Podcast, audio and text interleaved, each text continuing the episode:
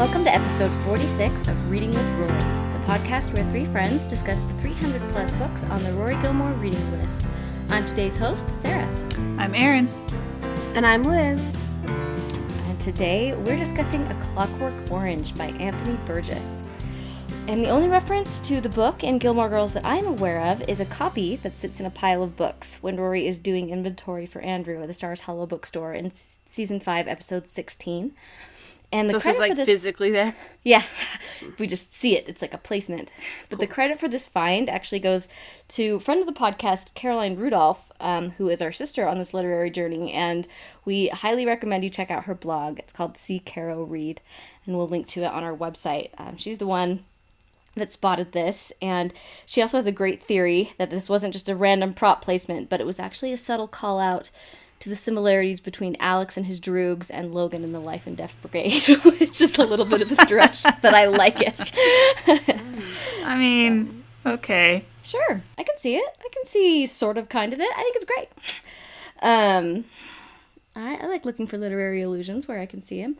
All right, so now before we get started, as is custom around here, we want to check in on Friday night dinner and talk about what we are eating for this discussion. So, what is on the menu today, guys? Erin, you're up. Well, today I was I succumbed to emotional eating, and when deciding what to get for dinner, which is right before the time at which we're recording this, I decided that pizza sounded like a great emotional comfort thing. So I ordered a pizza from Domino's, and sure enough, ate nearly the entire thing. I didn't eat the whole thing because my roommate had a slice or two, but I ate the rest of it. So of? I am, I, and and I'm also accompanied by my diet A and W root beer. So I am winning. I am winning tonight, guys. Yeah, that sounds good. What kind of pizza was it? I had pizza. I'm, that's a spoiler. That's what I'm eating too. Oh, ham and pine, ham and pineapple. Oh, all right, all right. Um, Erin, I don't think you need to shame yourself. It's No way. for eating pizza or for you know. Sometimes you just eat what you eat, and that's okay. I think the Gilmore Girls don't approve of that kind of talk. So, um, It's true. I myself am also eating pizza. Got it from a, a little lo- local takeout place. Uh, it's called My Pie Pizzeria, and I got um, they called it the the NY Roni, which is a clever way of saying a pepperoni pizza. um, and then some garlic knots. They're really good. Liz, what are you eating? Um, I'm having some leftover baked ziti and some green beans, and it's really good. It's delicious. Leftovers, you know.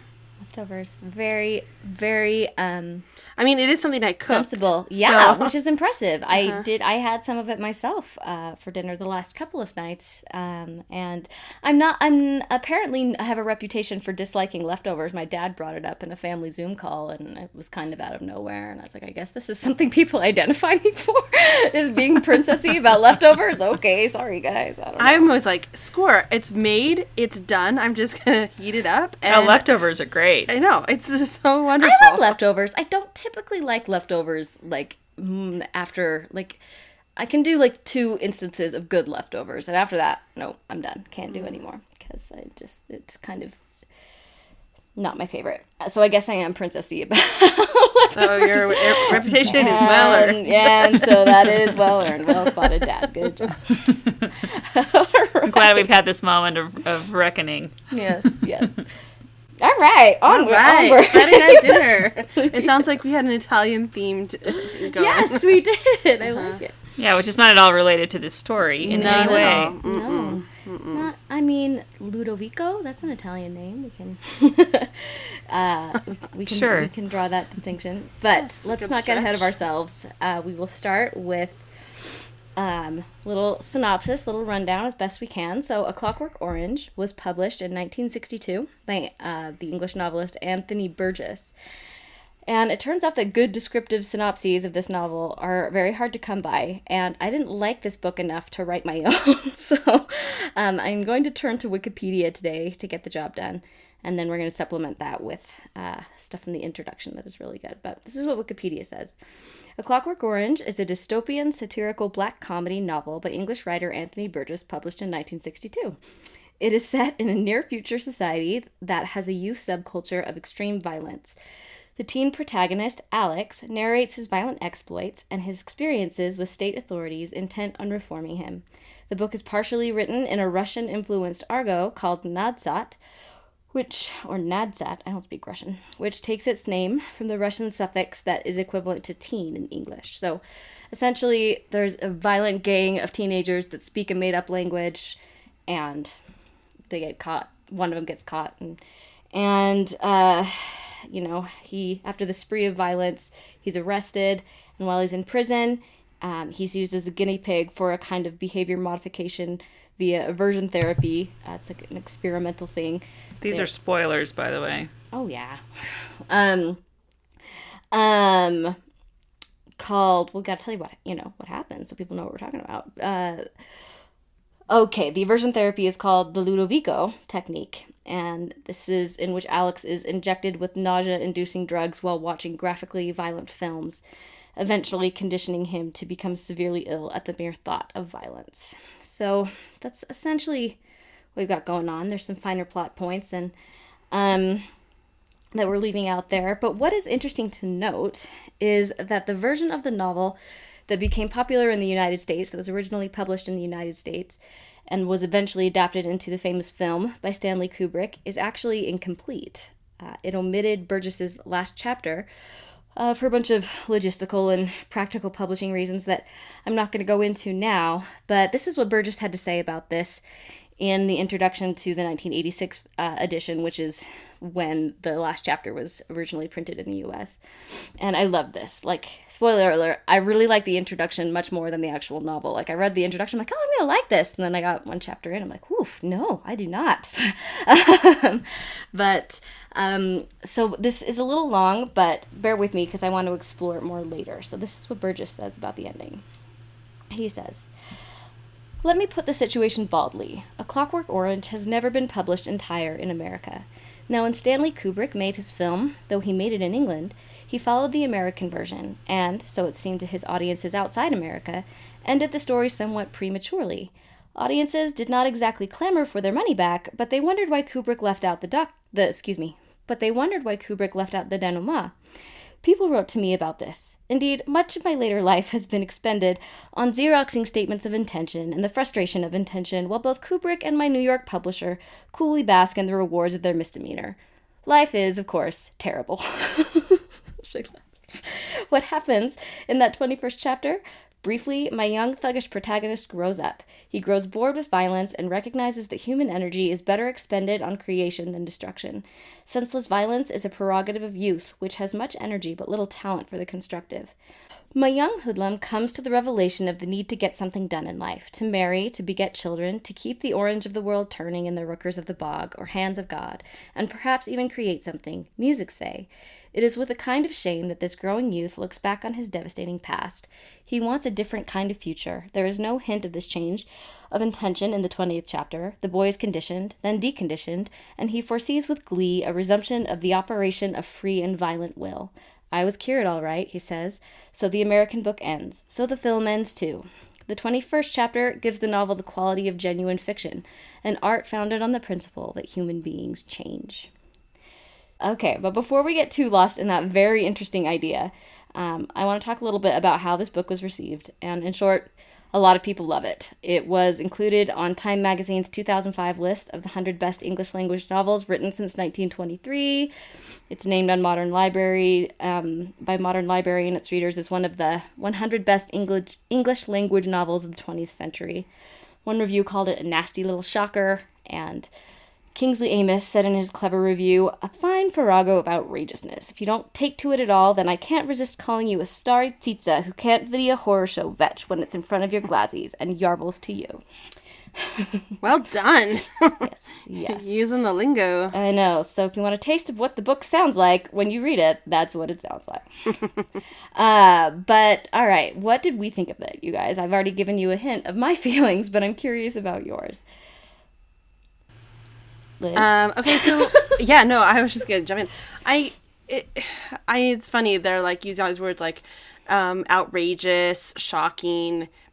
I've seen so many different like descriptions, right? And um i do think it is shocking right? And i do think that like it's shocking and so i didn't like it in a lot of the violent shock but it was also shocking in the language and the words he made up and just the kind of weave of the story. I was in, kind of pulled into that a little bit.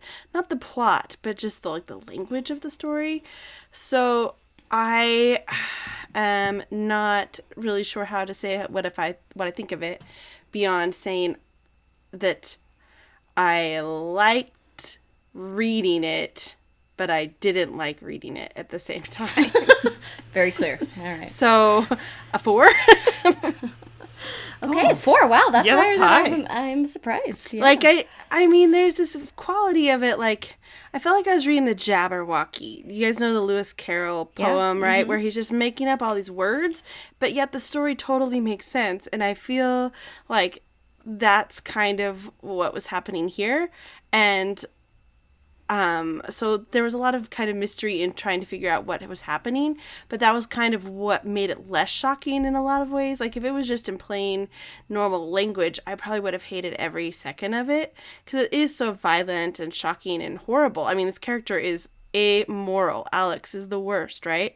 But that isn't something that um you I mean, I would go all the way to be- immoral. i didn't say immoral Just you did say amoral. im You said I mean, he was immoral too, but like, I mean, a, like, I just don't feel like he had a conscience, right? Yeah, I see what you're Like, and so, I mean, I guess that's why I consider amoral is just not having. like he's I mean- like a sociopath. He doesn't Yeah, yeah, recognize yeah. that it's wrong. Yeah. Uh-huh. And so, I mean, it does kind of explore like the psychology of that a little bit, which is not a pleasant place to kind of swim in and dwell in, but I think it's interesting. And the language kind of distracted me from how like how violent and shocking it was, and I kind of could get into that a little bit. I don't know. So again, it's hard to kind of quantify, but I didn't hate it, and I, there's parts I kind of liked. So there it is, my mm. review.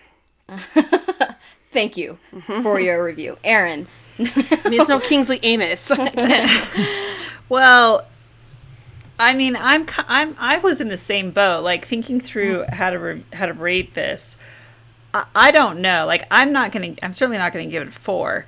But I also don't know that I'm gonna give it anything because I like my experience with this. Um, so when I first read this, I was on a family vacation in Mexico, and I was sitting on the beach. I'd taken, you know, like two or three read. books as one does, right? An And interesting like- beach read. Yeah. I know. Well, I looked at it and I was like, oh, Clockwork Orange. I know nothing about it, and it looks short. Okay, I'll take that. And um, The classic qualifications of a beach read. right, and and this was yeah. Anyway, and so um, so I'm sitting on the beach reading this, and my dad comes over and he's like, "What are you reading?" And I was like, "Oh, it's a Clockwork Orange." I was I was maybe a quarter of the way into the story at this point. Like, not a whole lot had happened, and I was still mm-hmm. struggling to figure out the the language. And my dad was like, "That's," he said, "Have you seen that movie?" And I was like, "No." And he said, "That's a really violent story." And I was like, "Oh, okay, well." That's and nice to know. the way in. you know, and, I, and I'm just like, yeah, like But okay. Here's the thing. Here's the thing And- that's interesting is most of the violence takes place in the first quarter of the story. So had you not like picked up on it? Well, like, no, I mean, I- well, I was early enough in that that that stuff hadn't like the the really serious stuff hadn't hit yet, and um, so maybe I was maybe it was earlier than like that. the home like the home invasions in chapter two. well, I don't know. All I know You- is it's hard that to figure out what's happening. Cause yeah, Yeah, that's what I was gonna say. It's like the language is so alienating. You're like, I don't understand what's happening here, and that's it's intentional. Probably, Well, well, but by by the this ti- is violent. Okay. Yeah, but by the time I got to the home invasion, I knew enough to know what was happening in the home invasion. Mm-hmm. And so, I, anyway, so I, I was like very early on in, in reading this story. And, and it was interesting to me, kind of like Liz said, like, because it took a while to figure out what he, the heck he was talking about, by the time I was actually at there with him on the same page and understood enough of what was going on here to understand the story, I was far enough into it that I was like, well, I might as well finish this. You're And- invested. it- like it just like okay you know and, and it was it was a relatively quick read for a story of a this novella, nature like it, it wasn't that hard to read surprisingly and so um, and i was kind of interested in like a weird way. I, I don't even know how to explain it. You know, like it it held my attention, even though at the same time I was just like, this kid is the worst. Like, oh my gosh, what the heck is his problem? and um, anyway, so I so I really don't know how to how to review it because looking back on the story and thinking about everything that's happening in the story, I think it's just atrocious. Like I think everything, and I think the idea. I mean, I'm glad you brought it. You you read that part of the intro, Sarah, because I. I thought that part of the intro was also really fascinating when I read it, and I want to talk about it more. And so, having that juxtaposed with the story itself and the way that it actually ends, I was just kind of like, wait a minute. I just don't know how I feel about this. And that's kind of where I've sat with it ever since. Sure, that makes sense. So no rating. No rating. Un- unrateable. Yes. Almost That's like how the film. movie felt. that's how the movie was. yep. Um, all right. Well, like I said, I, and I'm with that. I can understand. It's a it's a tricky one, and I'm going to confess I didn't finish it. I hated reading it. I by the time I got through and was kind of deciphering what the Nadsat was, and and it was so violent. It was so gross that I just. I, I just was like I don't I don't want to spend my time here. Um, so I just kind of brushed brushed through and did did my reading ups to prepare since I'm hosting this episode. Get through the book. Um, it really was not not a space that I wanted to be in, and I've been but I've been really wrestling with the ideas. Um, because I think it presents some really, really interesting ideas and in probably a pretty brilliant way, right? As far as like you're presenting this ultra violence, as they call it, and you're doing it in this supremely alienating way that you almost don't understand. Like the language is separating you enough from it so that you don't feel quite as gross or like participating in it, even though it's so, so awful what is happening. And he's kind of taking a lot of pleasure in he talks about that in his introduction how he you know like it was like the original sin in him. He enjoyed writing that part. It was like a way to um indulge what he assumes we all have those inclinations and writing about it is a way to indulge it without actually doing it which i thought was really gross. And um Um, yeah, that is gross. yeah and and i yeah i it was just but like you kind and like the ideas especially as we and hopefully we'll get into it the idea of free will and is it better to be you know have the ability to make a moral choice even when you know you're going to choose to be as repulsive and violent and horrible as the character of Alex is it's better to have that choice which is that the you know the statement the novel is making and I think that that is a fascinating one. So we'll get into it. But I didn't like it. I didn't finish it. What I did read I'm gonna say I'm gonna go like a three because I think again the craft of it is impressive enough that you're like, dang, he's made up this language and and the and the art of it is is is really impressive, but it is just so so repulsive that I just I couldn't I couldn't get there. So, um, okay. So with that being said, um, I was like, where do we start with all this? I I want to go back to that idea that he brought up in the in- introduction with this introduction of the last chapter that Americans didn't initially read that makes it make that change that you know he has this redemption he has this growth as a character and what he says that the art of fiction means the characters must change. And i thought that was such an interesting statement. Um especially as i was thinking about you know traveling back to our discussion of henry james in our episode on the art of fiction. And his thesis is that all book has to be as all fiction has to be as interesting for it to be considered art. And um, I think you can make like there's no denying this book is interesting, right? so I think it it passes the Henry James test. Um, but Burgess is saying the American the American version was what he po- what he said. Actually, I'm going to quote it because again, he's a good writer. I just like it when he speaks English and not not that. Okay. He says there is in fact not not much point in writing a novel unless you can show the possibility of moral transformation or an increase in wisdom operating in your chief character or characters. Even trashy bestsellers show people changing. When a fictional work fails to show change, when it merely indicates that human character is set, stony, unregenerable, then you are out of the field of the novel and into that of the fable or allegory. The American or Kubrickian orange is a fable. The British or world one is a novel. So what do we think about that? You guys who finished it. if Here's the Um, thing. yeah. I actually liked the book without the chapter at the end. I think that's interesting that he says it's a fable without that last chapter because I feel like that last chapter it almost kind of moralizes it a little bit. Like it gives it a moral at the end, like oh he can change, he wants to grow up, and I do think that people have that capability. But I just and I think characters do too. But sometimes you don't need it spelled out for you, and so I really just liked how it ended with this. Uh, it ended kind of on this note of like a cir- going a circled back to him listening to um, Beethoven and just like you you're not sure what's gonna happen. It said he was cured, and then spoiler alert, it just said he was cured, right? And then it ends. Like what's gonna what does that mean for him? It's kind of left up to the reader to decide, as opposed to having Kubrick, not Kubrick, sorry, Kubrick didn't tell us, Burgess tell us what it looks like. And then he goes back and visits his friend and his friend's like oh i live a normal life. And he's like okay. I just didn't really love that part of it. I thought it think was it was like a little of- too neat? yeah i did think it was a little too neat. I felt like it's like having you know the, the author kind of tell you what you should think at the end which people do all the time and so that's fine. But i it's interesting that he thinks that he like equates it with the fable without that chapter and a novel with that chapter when i say the opposite i just kind of like how i'm left kind of hanging and I mm-hmm. can kind of make up my own decision. I mean, I don't know that he would change. He was kind of a monster, right? But what does he's also 15 years old or 19 years old by the end. Mm-hmm. And so is he going to grow up and be okay? Maybe, right? So I don't know. I just think that I like having my own interpretation of what's going to happen to him. And maybe that changes as you age yourself, right? If you're a certain age, you think you're going to have your whole future to change. Or if you're a whole a certain age, you're like, yeah, no, people don't change that Right, much. but Burgess didn't write this as a young man. He No, I know. So, I like, that. I think he kind of comes at it, especially like as a, from a point of wisdom and age, right? Like, I think one of the themes is like youth is peop these guys are dumb. Like, Yeah. like But I'm saying as a reader, when you interp- interpret meaning, how how where you're at in your life is what meaning you're going to bring to that.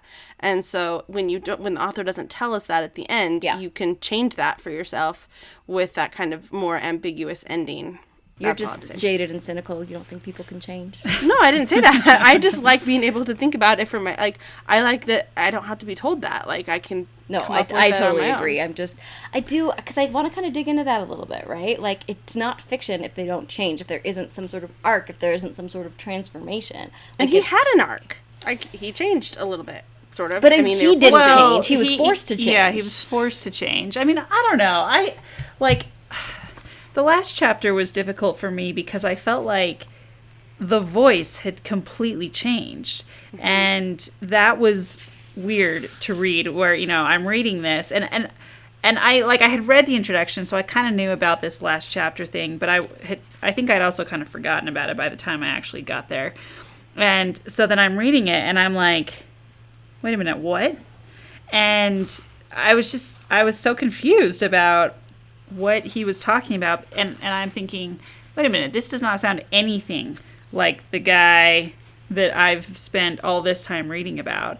And you know, and he's he's talking about like um, you know, he's got this uh oh, I, his son, right? He's like being young is like being one of these Malenki machines. He says, "My son, my son. When I had my son, I would explain all that to him when he was starry enough to like understand. But then I knew he would not understand or would not want to understand at all, and would do all the veshches I had done, yea, perhaps even killing some poor starry Forella surrounded with mewing cots and koshkas, and I would not be able to really stop him." And I don't know. I just like part of me has a problem with that idea because I felt like I felt like reading the last chapter like there's something to what Liz is saying about, you know, like leaving it open ended and you're unsure what direction he's going to go with his life. I think there's something interesting to that. But the last chapter, the way he wrote it, I walked away feeling like he was almost like condoning youth violence, right? By saying like you you kind of just have to get it out of your system. It's the sowing your wild oats concept and you just kind of have to like go go do it and you're you're not going to listen to anyone you're not going to hear any sort of counsel or advice against it and then one day you're just going to grow out of it and I thought that's just too simplistic. Like in to me, that just felt. I think that's what bothered me. It felt way too simplistic. That a, a someone growing up, a teenager, has so little control over themselves and their environment that they can't discern between basic con I mean, we're not talking about really high level things here. We're talking about basic concepts of right and wrong.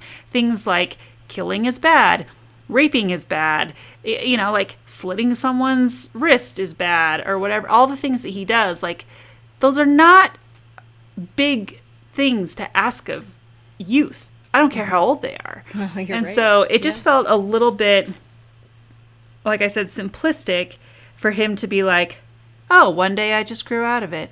And I want to now have kids and raise a family and be a good human and contribute to society. And I'm going to try and tell my kids not to go down my same path, but I know they're going to because it's just what kids do, and I'm not going to really be able to stop them. And one day they're just going to grow out of it. Like, really? Like, the consequences of that kind of attitude seem really dangerous to me if you just go about living your life that way and assuming that because not everyone grows out of it right? Like the, the fact that alex has this like complete 180 not everybody does that. It i mean that takes usually that takes a lot of work a lot of time and something pretty significant in your life to incentivize you to change and to turn your life around. And i don't know. I, don't, I don't know. I mean, I do think Alex is an extreme of a, of a character, like so extreme. Like, there's not, I, I don't know many teenagers who I would liken to him, right? But I do think that it's interesting how if you look at his other members of his or his gang, they didn't go to prison, they didn't get in prison, they didn't go through the stuff he did, and they did kind of grow out of it. Like one of them wasn't one of them a police officer at the end. Like they Yeah, but I think that's a comment on like Yeah. the corrupt the No, I know what that was too. But I'm just saying, like, I do think that they had sort of like grown up and turned out a lot better than he did, who was punished and penalized for who who he was, right?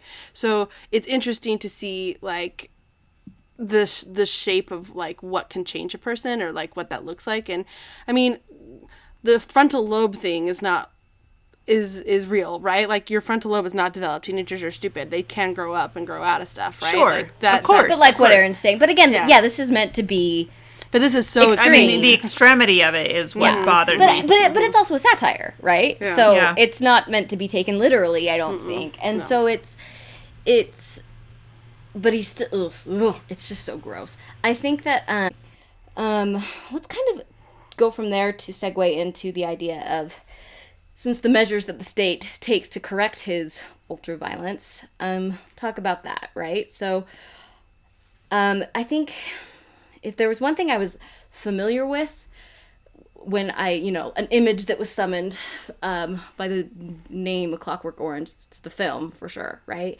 Is kind of like that that image from Kubrick's film of the of Alex's eyes being pried open by this device so he can watch these horribly graphic films and and it's such a disturbing image you know? Like i didn't even realize going into it that there was all this other disturbing repulsive violence because all i had kind of associated it with was you know your eyes being held open to watch this awful stuff.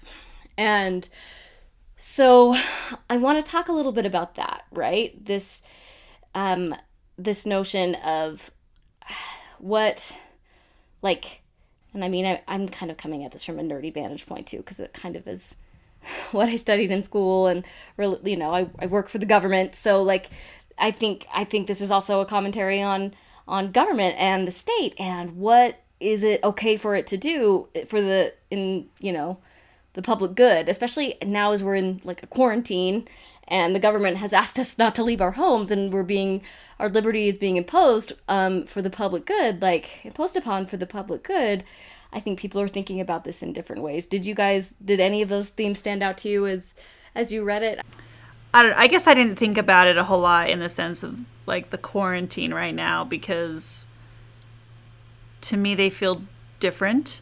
Um, but like like Alex underwent a process of of re-education and brainwashing. You know, like legitimate brainwashing, and that I mean I would liken that almost more to like the um, the Chinese like re-education process that we talked about with um, Balzac and the little Chinese seamstress, right? Like, there's that to me. I mean, government government is often in a very difficult spot because you have to, like, someone, eh, you know, a, a system of complete anarchy doesn't really work very well, right? Like, i.e., a system of complete liberty. yeah, exactly. Like it, it- Yeah. you kind of need someone to be in charge, but how far and to, to what extent that goes is always up for debate and is always being debated. And so, you know, where how do you how do you handle things like yes, some liberties get imposed upon by virtue of having someone in charge. That's just how that's just how that works. That's kind of the definition of it.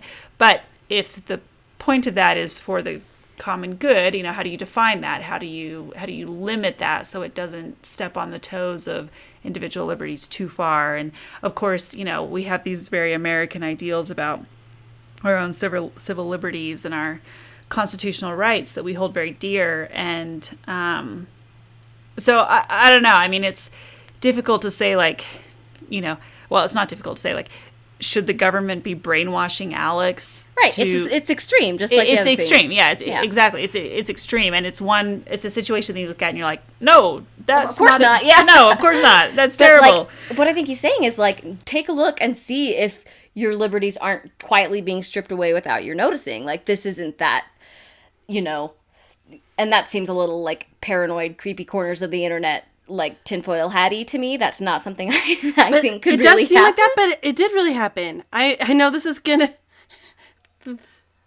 Like I was reading in Smithsonian magazine, so this isn't necessarily like you know, um, corners of the internet, dark web.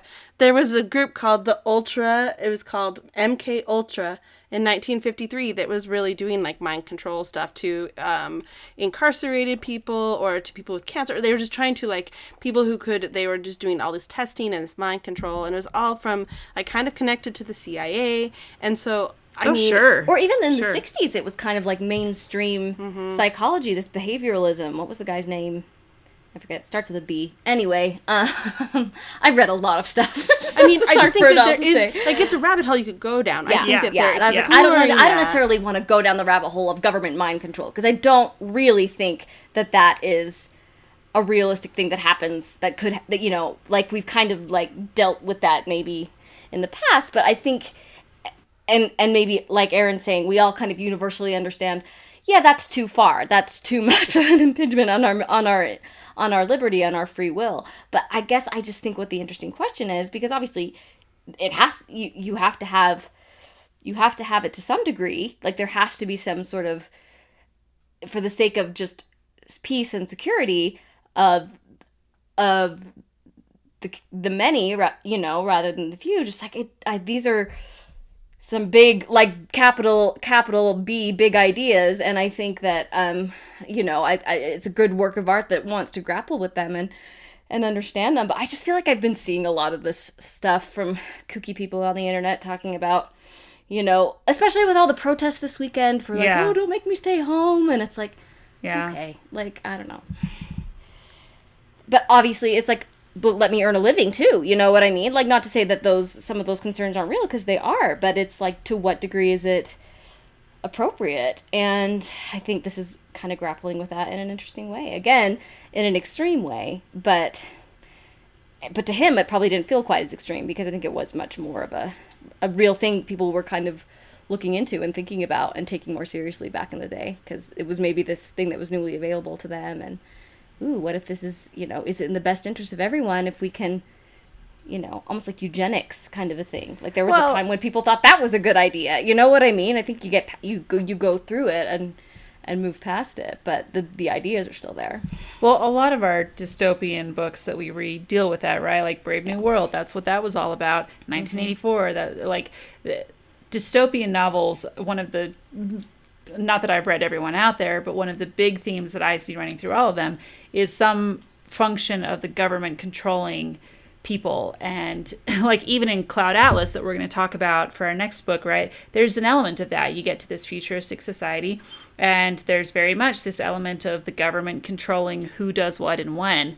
And i think people are very afraid of that and very afraid of you know big government with a capital b stepping in and and kind of running the show and taking things taking things away from you. And the quarantine uh, you know understandably incites a lot of those concerns because there is a question, you know, how far does it go? And at what point like you know, how how do you how do you handle a situation like this? And and how if if we do it once this way, does that open the door to doing it further, you know? And we talk like I don't know. I mean, I mean that's really interesting. We're just kind of living through this experiment. I mean, we are we were anyway, but I mean, I think this kind of brings brings it to the forefront in an interesting way. Um, that question, and it makes me want to kind of touch on the title, um, the meaning of the title, and so it's called uh, obviously a Clockwork Orange.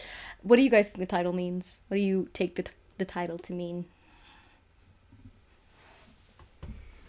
I mean, didn't the the the it was a book, right? In the book, within the book. Yeah, the the, and, the writer that they yeah, invaded, the professor, they yeah, broke was, into his home. He was writing mm-hmm. that book, mm-hmm. and he was just saying how it was, um, it was like a thing that's just kind of uh, that you take something that's beautiful and you turn it into something automatic or something, you know, like not even something beautiful programmed. not even something beautiful but like organic organic exactly yeah, like, like um, natural natural like like an orange right mm-hmm. where he says what yeah. does he say so i think it's kind of like alex becomes that they took someone who's not beautiful i guess but like a, a, a natural person yeah. and you know messed with his mind a little bit and turned him into something different and that's i mean yeah he I, says he um, he wrote that the title was a metaphor for an organic entity full of juice and sweetness and agreeable odor being turned into a mechanism.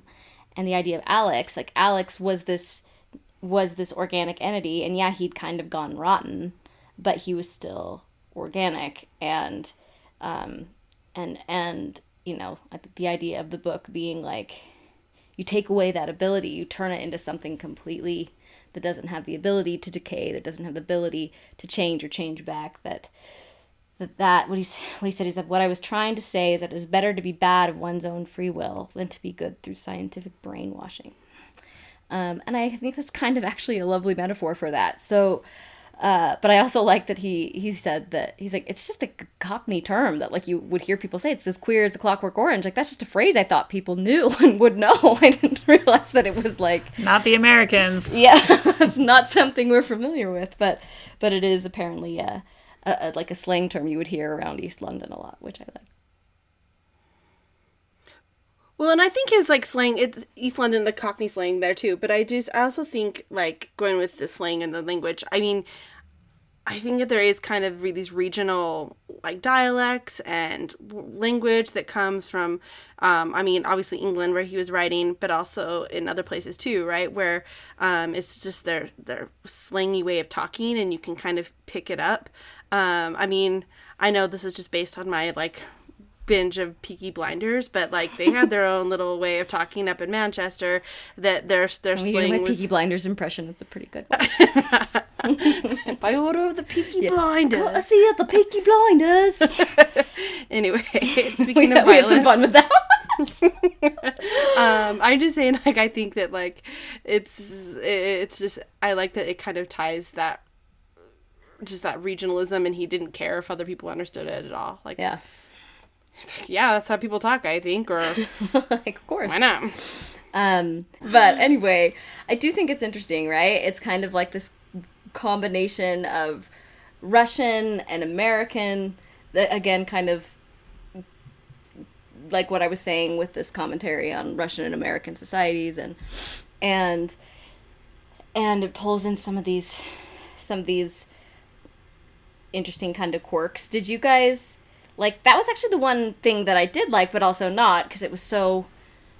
You know, it's like okay, this is taking a lot of work to understand what they're saying. Now I've broken through and I understand what they're saying, and I'm horrified. Like, what part of this is Your your Yaz your glazzies got used to the yarble and you were good. um, but there is there is a NADSAT dictionary online we'll link to, and um, that you know if you do want to read it, you can you can reference that and and maybe make it a, a tad clearer for you. Um, Although I would highly recommend tr- reading it without the dictionary at first Yeah, because agree. I think half of the half of the experience art and yeah experience of this book is going is going through exactly what Sarah just described. You start reading it, and by the time you figure out what's happening, you're like, "Wait a minute, what? this is horrible." So, if you're gonna read this, I say go into it blind. Yeah, yeah, but it isn't. It is interesting to go back um, and look at it after the fact. What all these, um, where like what you know, what the word is, what it means, what its origins are. It's kind of cool. Um, Cantora is the word for office, and it's you know its origin is Russian. Car- I mean, it's pretty extensive. Like there, it's not just. I think the movie, if you've seen the film, and we haven't. Spoiler alert! I wasn't gonna mess around with that ish, but um, but What's ish? Stop using such slang. People won't understand what you're saying. um, Well, that's all Nadsat is. It's just like the slangy stuff that people say. I know, but it's really like you. Like there's context clues, and then there's just like, what the hell is happening here? You know? so, Yeah. um, and it really, I mean, Liz, you should use this as, as if you could teach this to your seventh graders.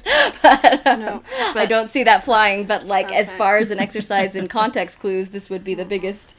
Um, I think the the best way to do it. Yeah, most of these origins are Russian, actually. Um, Well, it, it fascinates me how, like, I mean, to compare it to something very simplistic. You know how you see those things pop up on Facebook, and it's like, if you can read this sentence, you're a genius, and it's like all of the all the oh, I don't see those, Erin. So you just must be the only. Genius. no, I just think. Never mind. Anyway, but like, No, go on. I'm curious. tell us what the Well, geniuses but see. I want to know. But the sentence, like the way the words are written, it's like the first and last letter, and all the other letters in the word are, have been jumbled, and it, it's it's stuff where like, as long as your mind can see the first and last letter and have the rest of the letters in there, even if they're in the wrong order, you can still figure it out, right? Like you can still read it, you can still translate it, and you can still get through the sentence and understand what's going on. And I think it's fascinating the way the brain works that and, and and to Burgess's credit, I think this is you know, this is really where the art of this story comes in. That he could he could throw in so many words. It's not just like a couple here or there. It's like a lot of words that, you know, take up Well, that's a- what I'm saying. a huge yeah, like chunk of this. That the you can movie still, really cuts a lot of it out uh, because it's so disorienting. You don't know what they're saying. Yeah, but but but like your brain going through the exercise of figuring out what it's saying and of taking from the context and placing it all together, it is fascinating to me that you can actually get there. It's like learning another language. For sure. Right? Like you at some point it clicks in your brain and you've got it. And at some point you get there, but it's a lot of effort to get there up front. And I just I don't know, I think it's fascinating that he wrote it in that way where you had to put in this effort up front. And you know, I to whichever one of you said it earlier, maybe that was a way to help people read a topic that would otherwise probably have been Oh, I think it really from was intentional. bookstores. Yeah, Uh, you know, Mhm. like Yeah. I just can't imagine if you had written this in plain English that people would have taken kindly to this story. Like I think a lot of I, I, I don't know. It's just it's just a very interesting way to deal with a a very sensitive subject and um, b it's just a, a very artistic way to write something. I, I, I don't know. It's it kind of fascinates me. yeah. Well, I do think it's interesting too that the only people who spoke like that were Alex and his gang, right? It was like the other people didn't talk like that. It was just him. It was just the way they spoke. It was their little teenage lingo. No one else even cared to try and figure it out, right? Like this is how misunderstood they were. They lived in their own little world and this language totally showed it, right? This like slang that they used, the way they talked. It was it reflected more on them and on how they were like this anomaly in society than um Yeah, then- I think that yeah. it's almost literally, and I read this somewhere, but kind of the idea of like you want someone to quite literally speak your language. And I think nowhere nowhere in your time of life is that more acute than when you're a teenager right this needs to be like understood and validated and so you're gonna like challenge people i don't know I just But when people did try and understand him, he resented it too. So it's like he would make was a fun of people. he was a stupid no, pretentious teenager right? yeah, I get it. I'm just saying, like the language just like was part of who they were, uh, and a good shield for all the crazy violence. But it was yeah, um, it, it seemed like that more to me. You know, like like when you're a kid and you come up with code words and secret languages with your friends, and usually that results in some sort of pig Latin or something being used. But you know, like you think you're super cool because you have this like secret language or secret these secret code words with your friends, but. I, I, I don't know. I don't know. and like a stupid way to dress. yeah. Like they had us weirdo clothes. i mean also just look at teenagers right I know. mean, I was gonna say it, it just seems like teenagers in a lot of ways still, without a lot of like you know like the rape and stuff. But you know, right. That Yeah. small detail. yeah mm-hmm. Mm-hmm. just that. Whew, all right, you guys. I feel like we just we got in there. We we worked through some stuff. I like it. Um, I mean, I have a point. Like, maybe do we want to talk about original sin and the natural man? But you know what? I, I just don't know that I have it in me. So, um, but actually, no, never mind. I do because it was interesting. Um, we can cut it out maybe. But yeah, like he was really motivated by the idea and influenced by the idea. He was like a really strong Catholic growing up. Like he was really influenced by Catholicism. And this notion, again, of just like inherent wickedness. And um, he talks about, and a lot of the stuff that he's he's written about this, whether it be in the uh, in the introduction or in there's like this interview um, slash piece he wrote in 1973 in the New Yorker where he talks a lot about the book too, and uh, here's what he says um, in the introduction. He says, "It seems priggish or Pollyanna-ish to deny that my intention in writing the book." In writing the work was to titillate the nastier propensities of my readers. My own healthy inheritance of original sin comes out in the book, and I enjoyed raping and ripping by proxy. It is the novelist's innate cowardice that makes him d- de- depute to imaginary personalities the sins that he is too cautious to commit for himself. But the book also does have a moral lesson, and it is the weary traditional one of the fundamental importance of moral choice. And he goes into that, right? But, like, again, that overcoming of traditional sin, uh, traditional sin, original sin, um, which then you get into more religious stuff. But I do think that, you know, what he's saying is just people are naturally like this, right? Like, and I don't know how I feel about that idea, but that is something that's like existed in Well, that's different kind of the philosophies premise. for a long time. I mean, isn't that kind of the premise of the TV show Westworld? You know, I know. you- I mean, I haven't, I haven't seen it, but from what I understand, part of the premise of that show is that you create this world filled with all of these um, artificial intelligence characters, and people can go and live out these fantasies, and those include some pretty violent fantasies, and so it's um, it's kind of a similar idea that maybe something that you wouldn't do normally you go do in some sort of fictional context. I personally have a little bit of a problem with that, but yeah, me too.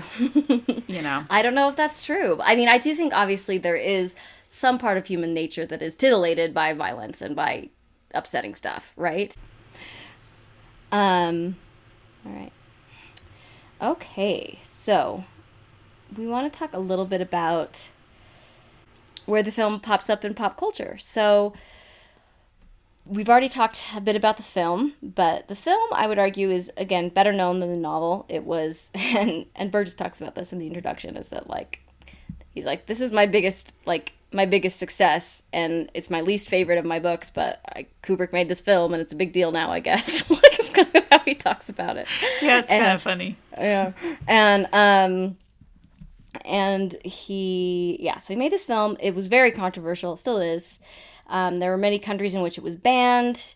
Um, it in the us it had an x rating. I think it was the first film to i don't know how many have had it since but it was it was notoriously rated x. And then i think it's it's been it's now considered rated r. Um, they don't still have that rating. But uh you know, you can't see it in like just like it's just not available to see. Like it's so like these images are so disturbing that it's um it's just straight up not something they will show in many parts of the world.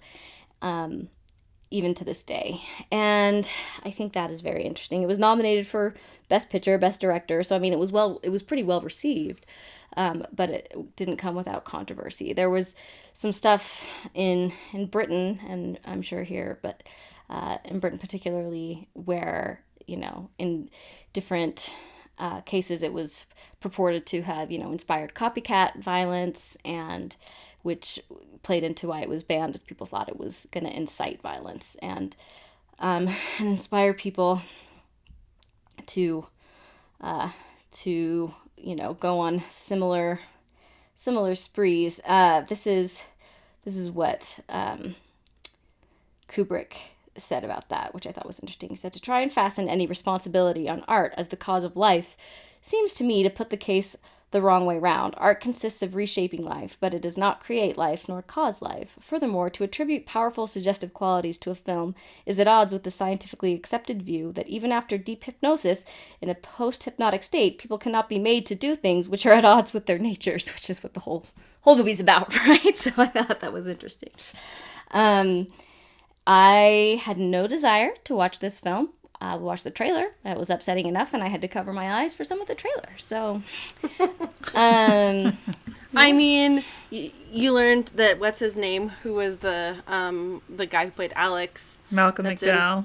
Yeah. he's in a bunch of stuff now. That Yeah, I didn't realize because I've seen it like as an old man. He has a very recognizable face, and obviously I, I know that image of his eye being held open, but I didn't realize it was the same person as this old man that's in a bunch of stuff. So it's very long. Oh yeah, the novelist's response it says Burgess had mixed feelings about the film adaptation of his novel, publicly saying he loved Malcolm McDowell and Michael Bates and the use of music. He praised it as brilliant. Even so brilliant that it may be dangerous. Despite his enthusiasm, he was concerned that it lacked the novel's redemptive final chapter, an absence he blamed upon his American publisher and not Kubrick. All U.S. editions of the novel prior to '86 omitted the final chapter. Um, and apparently, like he and Kubrick, like became buddies. They each, so each holding similar philosophical and political views, and each very interested in literature, cinema, music, and Napoleon Bonaparte. So Yeah, they made a Napoleon movie makes together. you pals. Yeah. Um, and Burgess's novel Napoleon Symphony was dedicated to Kubrick, but the relationship eventually soured when um, Kubrick left Burgess to defend the film from accusations of glorifying violence. So, thought that was interesting. I mean, it would be interesting to like have your legacy be that you have to defend this novel about Right. and movie of what is as a person violent or not. Like, okay, What makes a person violent? yeah. Um, let's see. Uh, as a lapsed Catholic, Burgess tried many times to explain the Christian moral points of the story to outraged Christian organizations and to defend it against newspaper accusations that it supported fascist dogma.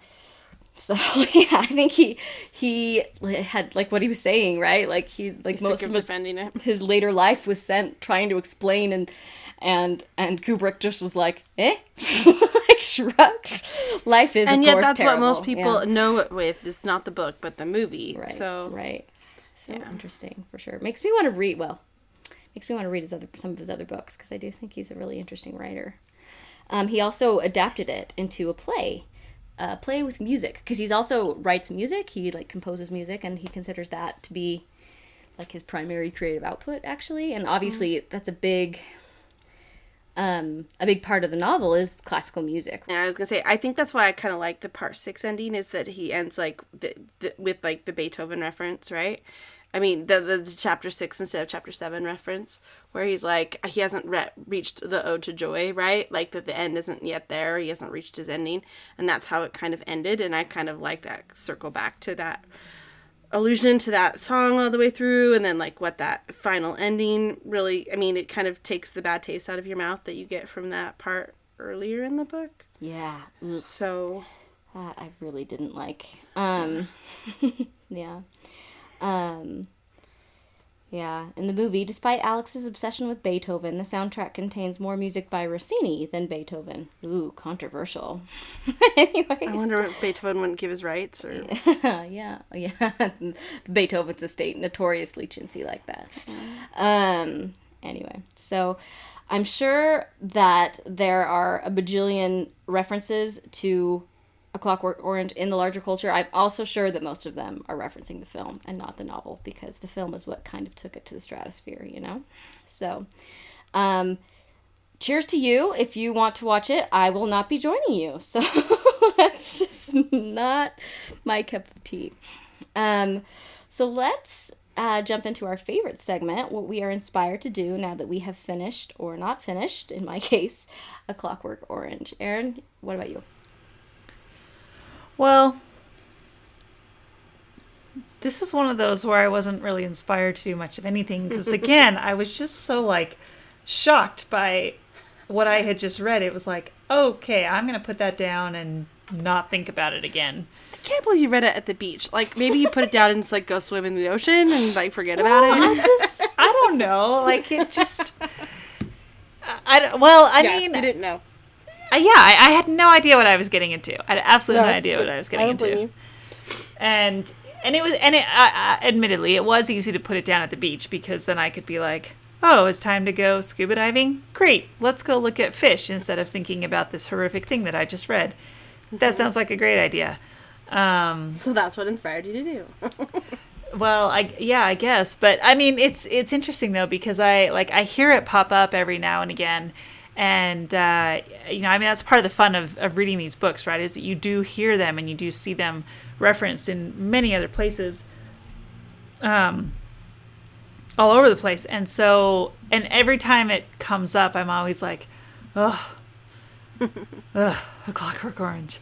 Like I, I don't know. I just I'm so conflicted by how I feel about it. Again, because I appreciate the artistic way in which it was done, but at the same time, I'm just like completely horrified by the subject of it, the subject matter of it. Um, Are you? Would you say like at, at the end of the day, it's a net? I'm happy I read this. Like now I kind of know what the deal is, and like you know, I'm more culturally literate. Or you feel like I no? think I am.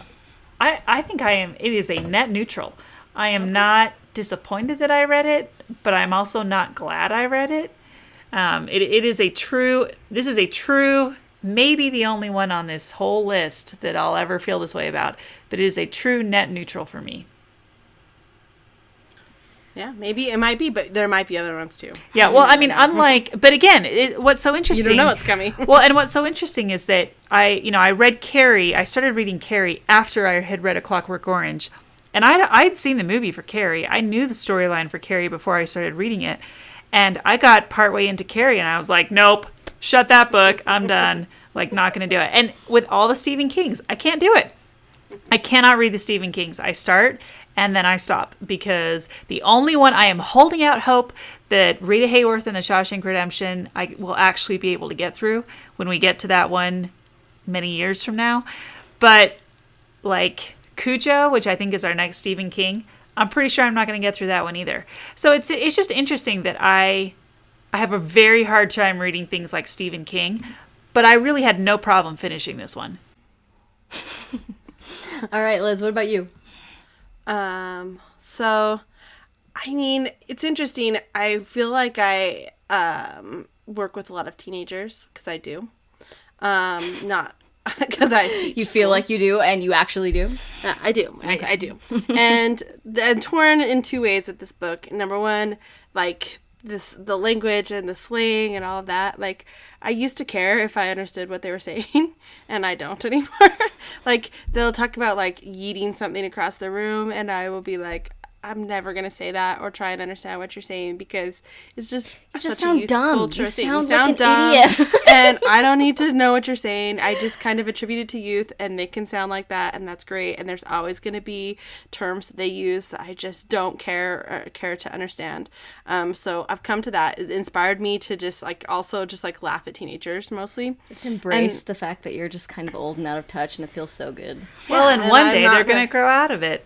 Yeah, it- and that was the other part of it for me too. Is it inspired me to like I was really kind of that whole contrast of like what happened to him and what happened to the other people in his gang, right? Like the other kids, like what there's there's a lot of stuff with school where they talk about how like you know like this the school to prison pipeline where you know like kids who get suspended a lot or kids who like get in trouble in school a lot are the ones who easily make it back eh, who, who are eventually a lot of them are incarcerated and like is there something where like you could intervene earlier and kind of help these kids before they get to that point and help them kind of make less stupid decisions. I mean, he did seem to have this person that was kind of looking out for him, Alex did in the book, but then eh, it was he was really kind of a hard case.